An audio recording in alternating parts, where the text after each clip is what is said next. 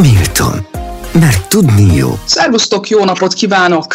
Ez itt a Tudni Jó, a Milton Friedman Egyetem podcastja, én Sós Eszter Petronella vagyok, az egyetem adjunktusa, és nem másról fogunk most beszélni, mint az egyetem kutatási projektje, melyben az oltakozással, a vakcinák elfogadottságával foglalkoztunk, és ezzel kapcsolatban nemrég szerveztünk egy konferenciát is, melynek az anyagai megtalálhatók egyetemünk honlapján. Vendégem pedig Krajcár István egyetemi docens, aki ennek a kutatásnak a vezetője volt.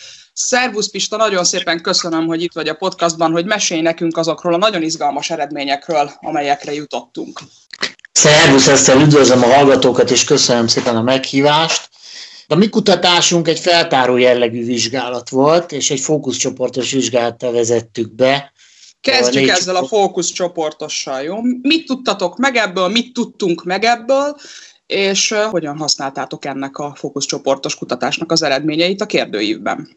Egy nagyon izgalmas bevezető, exploratív vizsgálat volt. Ugye keveset tudtunk korábban a témáról, a területről, úgyhogy megpróbáltuk valamilyen, mindenképpen valamilyen e, bevezető e, jellegű vizsgálattal megalapozni a, aztán a későbbiekben lefolytatott reprezentatív kérdőves vizsgálatunkat. Itt négy csoportban összesen 24 embert kérdeztük meg, kérdeztünk meg arról, hogy hogyan élik meg a jelenlegi járványhelyzetet, a lezárásokat, milyen okai vannak az oltási hajlandóságnak, illetve az oltás elutasításának közöttük. És azok, részben... akik nem, bocsánat, csak azok, akik nem kutatással foglalkoznak, nem biztos, hogy tudják, hogy hogy működik egy fókuszcsoport, ezt azért mondjuk el. Hát a fókuszcsoport, ugye most egy, most egy speciális helyzet állt elő, mert online fókuszcsoportokat kellett csinálnunk. Egy fókuszcsoport úgy működik, hogy meghívunk embereket, gyakorlatilag kiválasztunk a főbb szociodemográfiai változók mentén a témához igazítva embereket, vidékről, fővárosból alacsonyabb és magasabb iskai végzettségű embereket. Elsősorban a, a mi célcsoportunk a hezitálóknak a célcsoportja volt. Uh-huh és voltak benne olyanok is, akik a munkaerőpiacon negatívan érintettek voltak, ugye a lezárások által elvesztették a munkájukat, bércsökkenés, fizetés nélküli szabadság érintette őket, vagy voltak olyanok, akik megfertőződtek, vagy mentális problémákkal küzdöttek a lezárások következtében, és őket gyakorlatilag hát egy moderátor segítségével kérdeztünk egy beszélgetés keretében arról, hogy hogyan érik meg ezt a helyzetet, és vajon beoltatnák-e magukat, illetve mhm. milyen érveket hoznak fel emellett, és pro és kontra, hogy úgy mondjam. Ami fontos, még ezzel kapcsolatban, hogy ugye ez a vizsgálat soha nem reprezentatív, itt csak gondolkodási folyamatokat, pszichológiai mozgatórugókat tudunk feltárni, viszont ez már elég alapot tud nyújtani ahhoz, hogy aztán egy reprezentatív vizsgálat során egy olyan kérdőívet kérdezzünk le, amely tartalmi, tart, tartalmában hát jól közelíti azt a, azt a problémát, ami, ami megjelenik az emberek fejében. És akkor mit tudtunk meg ebben a fókuszcsoportos kutatásban? Mit mondtak, milyen mozgatórugók ö, tárultak ö, a szemünk elé? Hát ez egyik nagyon érdekes dolog volt, hogy, hogy, hogy az embereknek alig jutott eszébe maguktól a szolidaritás kérdése. Tehát, hogy nagyon maguk felé, felé hajlott a kezük. Csak tulajdonképpen rákérdezésre gondolták azt végig, hogy ha beoltatják saját magukat, az, az a másokat is védenek, az a környezetüket is, a családjukat is védik, a szomszédot is védik. Azzal előrébb, gyorsabban, hamarabb kijutunk ebből az egész helyzetből, mint hogyha, mint hogyha ha csak saját magukra gondolnának. Tehát ez volt az egyik nagyon érdekes dolog. A másik, hogy vannak úgynevezett utilitarista oltatók, akiknek tulajdonképpen eh, elegük van az egészből, elegük van a témából, kifáradtak, belefáradtak, belefáradtak a témába, lezárásokba, abba is, hogy a csapból is ez folyik. Uh-huh. A mhm. hírek csak erről lehet tájékozódni, és hogy, hogy úgy élik meg, hogy a média hát erőteljesen szenzáció, hajhász módon, hát ez egy része egyébként csak az a fókuszcsoportnak igaz, hát gyakorlatilag megfélemlíti az embereket. Ezek az emberek azt mondják, hogy hogy ők már nem tájékozódnak, nem szívesen olvasnak, hallgatnak ezekről szóló vakcinációval, járványa kapcsolatos híreket, de ha az lenne a ha az oltás lenne a feltétele annak, hogy ők újra szabadon dolgozhassanak, járhassanak, kelhessenek a világban, akkor azonnal beoltatnák magukat. Persze voltak mhm. ennél sokkal óvatosan megkérdezettek is, akik azt mondták, hogy semmi Isten pénzérben nem oltanák magukat, vagy oltatnák magukat. Nem nevezném őket oltás ellenesnek, inkább oltás óvatosnak mondanám. Voltak, akik inkább oltás ellenesnek mutatkoztak, hogy például közöttük sok volt a, a fiatal, akik bíztak a saját szervezetükbe, és azt mondták, hogy sokkal inkább gyógyszert kellene fejleszteni, mint vakcinát. Jobban féltek a vakcina mellékhatásaitól, mint, mint magától a vírustól, amit saját bevallásuk szerint sokkal gyorsabban legyőznének, ugye egyrészt azzal, mert mozognak, sportolnak, stb. Másrészt pedig hogyha ha erre van gyógyszer, akkor nincs szükség a vakcinára. Mhm. Mindenki legyen akkor kezelve, amikor a probléma fölmerül. Ugye, tehát ilyen, ilyen és ehhez hasonló eh, drivereket tudtunk meg, mozgató rúgokat eh, tudtunk meg a, a, a fókuszcsoportos vizsgálatban. És akkor a következő lépés volt a kérdőív. A kérdőív, ahol 1002 embert kéz, kérdeztünk le országos reprezentatív minta segítségével, ez egy 20 perces telefonos kérdőív volt. Igen, nemre, korra, régióra, település típusra, iskolai végzettségre, iskolai végzettségre volt reprezentatív a minta. És hát, mi, mi, mi az, amit ö, megtudunk ennek a, a, a mintának az eredményeiből, ami esetleg több, mint amit más hasonló kutatások mondanak. Ugye hát a csapból is az oltakozási kedv folyik lassan fél éve, ugye mindenki kutatja ezt. Mennyivel több és más, amit ez a kutatás megmutat? Hát próbáltunk komplex megközelítést alkalmazni, figyelembe venni a szokásos szociodemográfiai csoporthovatartozás és a politika és a sokszor kutatott politikai orientációk mellett az egészség és mentális állapothoz kapcsolatú változásokat, munkapiaci érintettséget, az olyan szociálpszichológiában ismert drivereket és mozgató rugókat, mint a jólét percepciója, vagy ezzel szemben a saját csoport lecsúszásának megélése, igazságtalanságérzés, depriváció, mértük a járvány súlyosságának a megítélését, egyfajta járványpercepciót, több dimenzió mentén, amely egyébként szintén nagyon fontos közvetett oknak bizonyult, és hát emellett fontos szerepet szántunk a magyarázatok között a bizalmi faktoroknak, a vakcinába, a beszerzendő vakcinába, az államba, a kormányba vetett bizalomnak, a szakemberekbe vetett bizalomnak, vagy a kifáradás jelenségének, ahogy az előbb mondtam, és hát nem utolsó sorban a szolidaritásnak is. Uh-huh.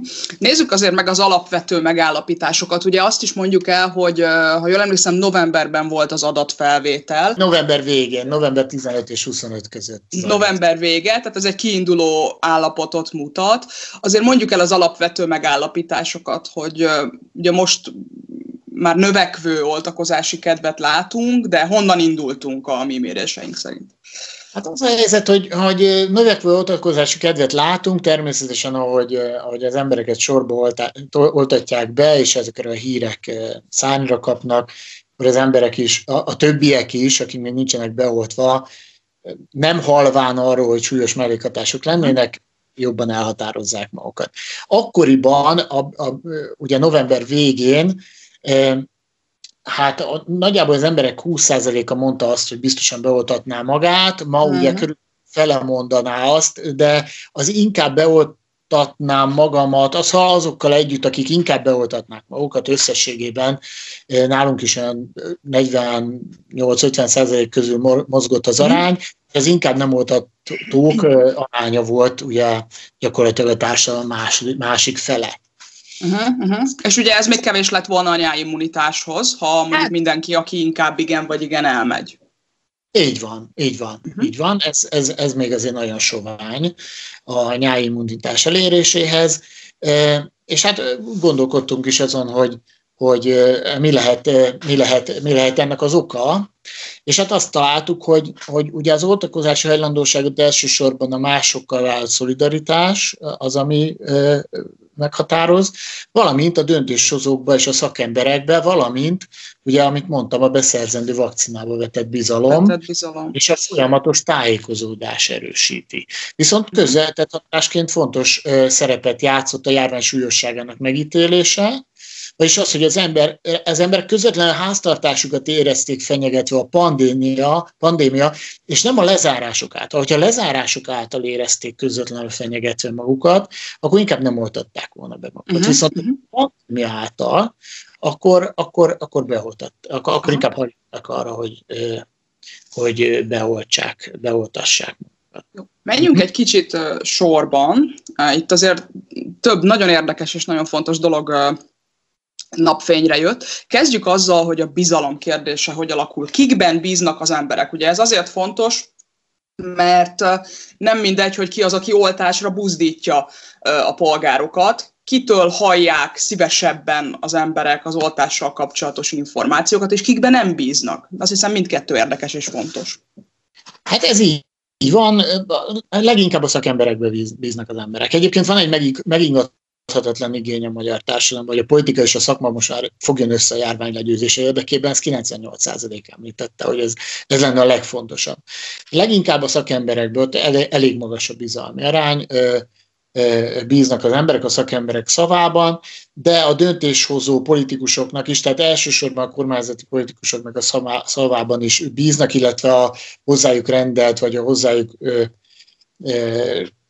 képzelt, csatolt informátoroknak a szavában is bíznak, itt említeném a Miller Ceciliát is, a sok kritika ellenére természetesen, és, és a legkevésbé mondjuk az ellenzékhez köthető szakpolitikusokba bíznak. Viszont, ami érdekesség, például a szolidaritás kialakulás, tehát a, já, a nyáimmunitás eléréséhez való szolidaritás kapcsán érdekes megemlíteni, hogy hogy, hogy, hogy a, a mindent fogyasztók, gyakorlatilag a mindenevők azok, akik leginkább szolidárisak. Tehát akik fogyasztják a kormányzati, kormányközeli, szakmai és egyéb médiatartalmakat, és egyszerre az ellenzéki médiatartalmakat uh-huh, is. Uh-huh. Illetve ezt kiegészítve akár a, a nemzetközi uh, információkhoz is hozzájuk. Uh-huh. Uh-huh. Itt már emlegettük az ellenzéki szakpolitikusokat, uh, uh, akkor azt is nézzük meg, ugye nagyon sok adatsort látni azzal kapcsolatban, hogy a pártpolitikai, illetve a uh, pártokkal kapcsolatos preferenciák hogyan befolyásolják a, az oltáshoz való viszonyulást. Vannak-e itt összefüggések, és ha igen, akkor milyenek? Az a helyzet, hogy ha, ha, csak, ha csak azt nézzük, hogy ha csak két, két dimenzióban nézzük a problémát, tehát hogy kik oltatnák be inkább magukat, akkor, akkor a kormánypárt hívei inkább beoltatnák magukat. De hogyha bevesszük azokat a változókat, amik driverként hatnak, tehát amiket az előbb említettem, a szolidaritást, a, a tájékozottságot, a pandémia percepciót, az érintettséget, a, a szakemberekbe és a különböző döntéshozókba vetett bizalmat, és a többi, akkor a, a, a politika vagy a párt politika, illetve a politikai orientáció nem játszik semmilyen szerepet. Viszont van egy, a, mármint az oltakozásban, viszont van egy, van egy pont, ahol óriási szerepet játszik, sőt, minden egyéb változó hatását kiüt, ez pedig, hogy milyen legyen az a vakcina. Uh-huh. Az ellenzékiek elsősorban a nyugati gondolt, vagy nyugati, nyugati címkével ellátott vakcinákba bíznak, míg a, a kormány, kormány hívei ugyanúgy bíznak a, a, a nyugati, mint a keleti vakcinák. Aha. Azok, akik nem bíznak a vakcinákban, tehát oltás ellenesek, róluk mit tudunk, mi, mi magyarázza az ő oltás ellenességüket, mik az ő, ő drivereik, és kik ők? Hát elsősorban ugye a, a magabiztosabb, egészségesebb, nem megfertőződött fiatalabbak azok, akik, akik kevésbé oltakoznának, az alacsonyabb társadalmi státuszúak, akik jobban elutasítják. A, Ez alatt mit értünk, hogy alacsony társadalmi státusz jellemzően? Státuszt azt, azt úgy szoktuk mérni klasszikusan, hogy hogy egy dimenzióra rendezzük az iskolai végzettséget, uh-huh. a mhm. foglalkozási pozíciót és az egyfőre jutó jövedelmet, uh-huh. és mhm. három dimenzió mentén alakítunk uh-huh. ki társadalmi státusz. Ha itt a, ezen a ezen a létrán mondjuk az alacsonyabb fokokon helyeznek el, a lentebbi fokon helyezkednek el a, a kérdezettek, akkor, akkor, akkor szignifikánsan kevésbé oltatnák be magukat. Azok, akik, akik, akiknek akiket, akik elveszítették a munkájukat, csökkent a bérük, vagy a munkaidejük, vagy kényszerszabadságra küldték őket, ők szintén kevésbé oltakoznának, de csak akkor, mint ahogy az előbb említettem, ha a lezárásokra dühösek, és uh-huh. nem a vírustól félnek. Uh-huh. Uh-huh. A kollektív, úgynevezett kollektív deprivációt átélő kérdezetek szintén kevésbé oltakoznának. A kollektív deprivációt kollektív relatív deprivációnak hívjuk egyébként, úgy mérjük, hogy hogy vajon a saját csoportot megbecsült, megbecsültnek érzi a társadalomban, van-e érdekvédelme ennek a csoportnak, megfelelő Tehát ez egy percepció. Ez egy percepció, tulajdonképpen ez is egy driver. Uh-huh. Egy szociális... úgy érzi, hogy ő neki nincsen hangja, ő... Igen, gyakorlatilag... gyakorlatilag ki van szorítva ki van rekesztve a társadalomból, így van. Uh-huh.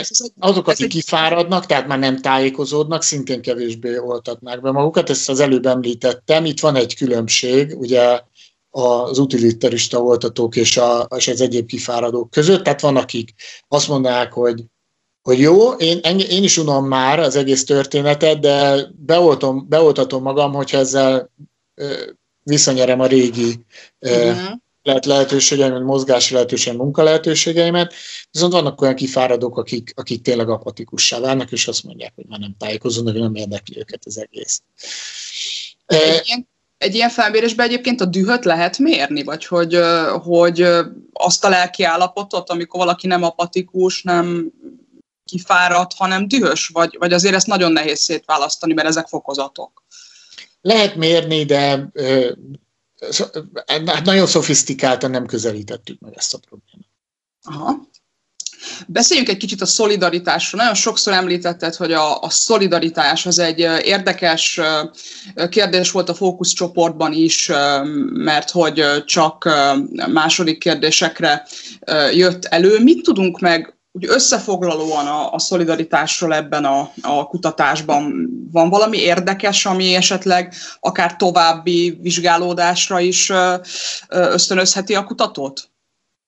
Hát természetesen, ugye itt is azért e, eléggé ugyan átolvastuk és ismerjük a szolidaritásnak a szakirodalmát, de hát viszonylag, viszonylag kevés szakirodalom állt rendelkezésre, ugye ez alatt a rövid időszak alatt, ami ott a járványtomból ezek mérésére, de azért volt uh-huh. egy-két volt egy vizsgálat, egy különösen külföldi vizsgálat, de volt magyar vizsgálat is egyébként, uh-huh.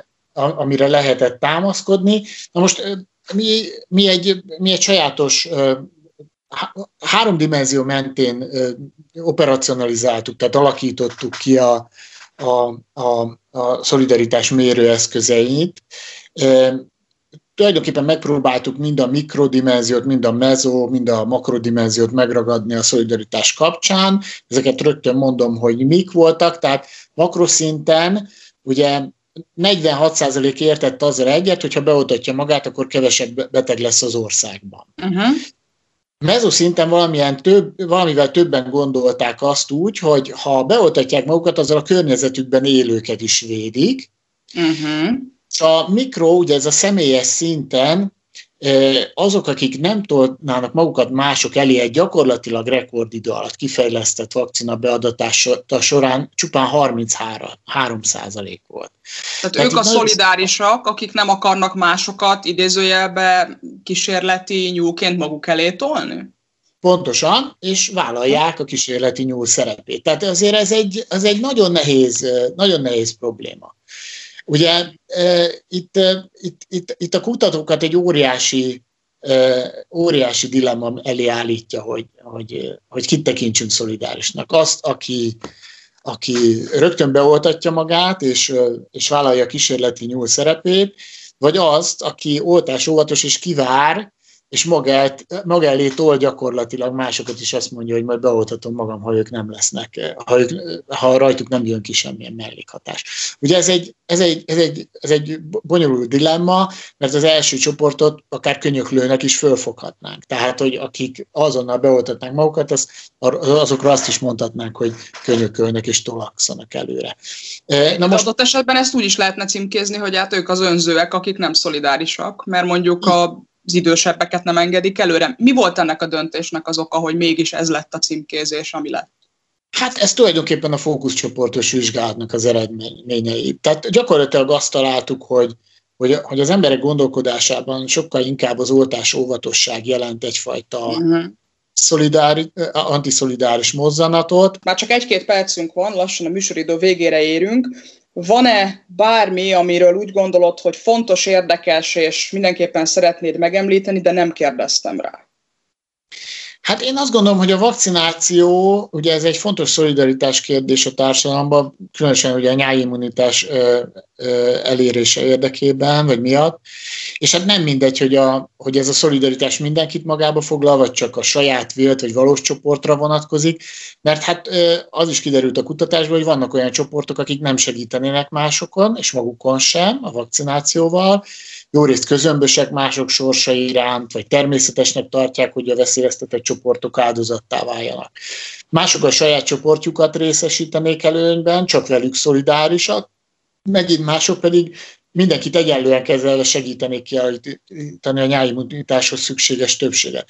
Viszont ők azok, akik egyelőre kevesebben vannak, alig éri el a, az úgynevezett inkluzív szolidárisok, tehát ezek, a, akik mindenkit egyenlően kezelnének, aránya a 30 ot és bizony a, az exkluzív szolidárosok, vagy, vagy egyáltalán a, a, azok, akik nem nagyon törődnek másokkal, egyenlőre többségben vannak. És hát ez egy komoly kihívás, elé állítja a, magyar társadalmat. Azt hiszem, hogy ennyi fér bele a mai adásunkba, bár nagyon sokat és nagyon sokáig tudnánk erről beszélgetni, és bennem is maradt még nagyon sok kérdés arra bátorítunk mindenkit, hogy az egyetemünk honlapján keresgéljen és nézegesse, olvasgassa a konferenciánkhoz kötődő anyagokat, ott nem csak a mi kutatásunkról volt szó, hanem más kollégák és kutatóintézetek anyagai is elérhetőek.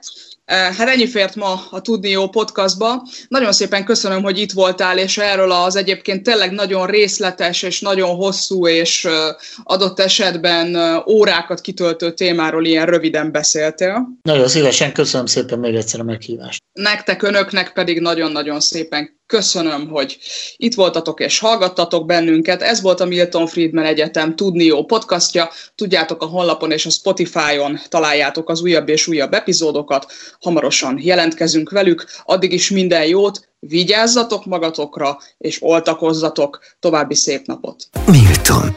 Mert tudni jó.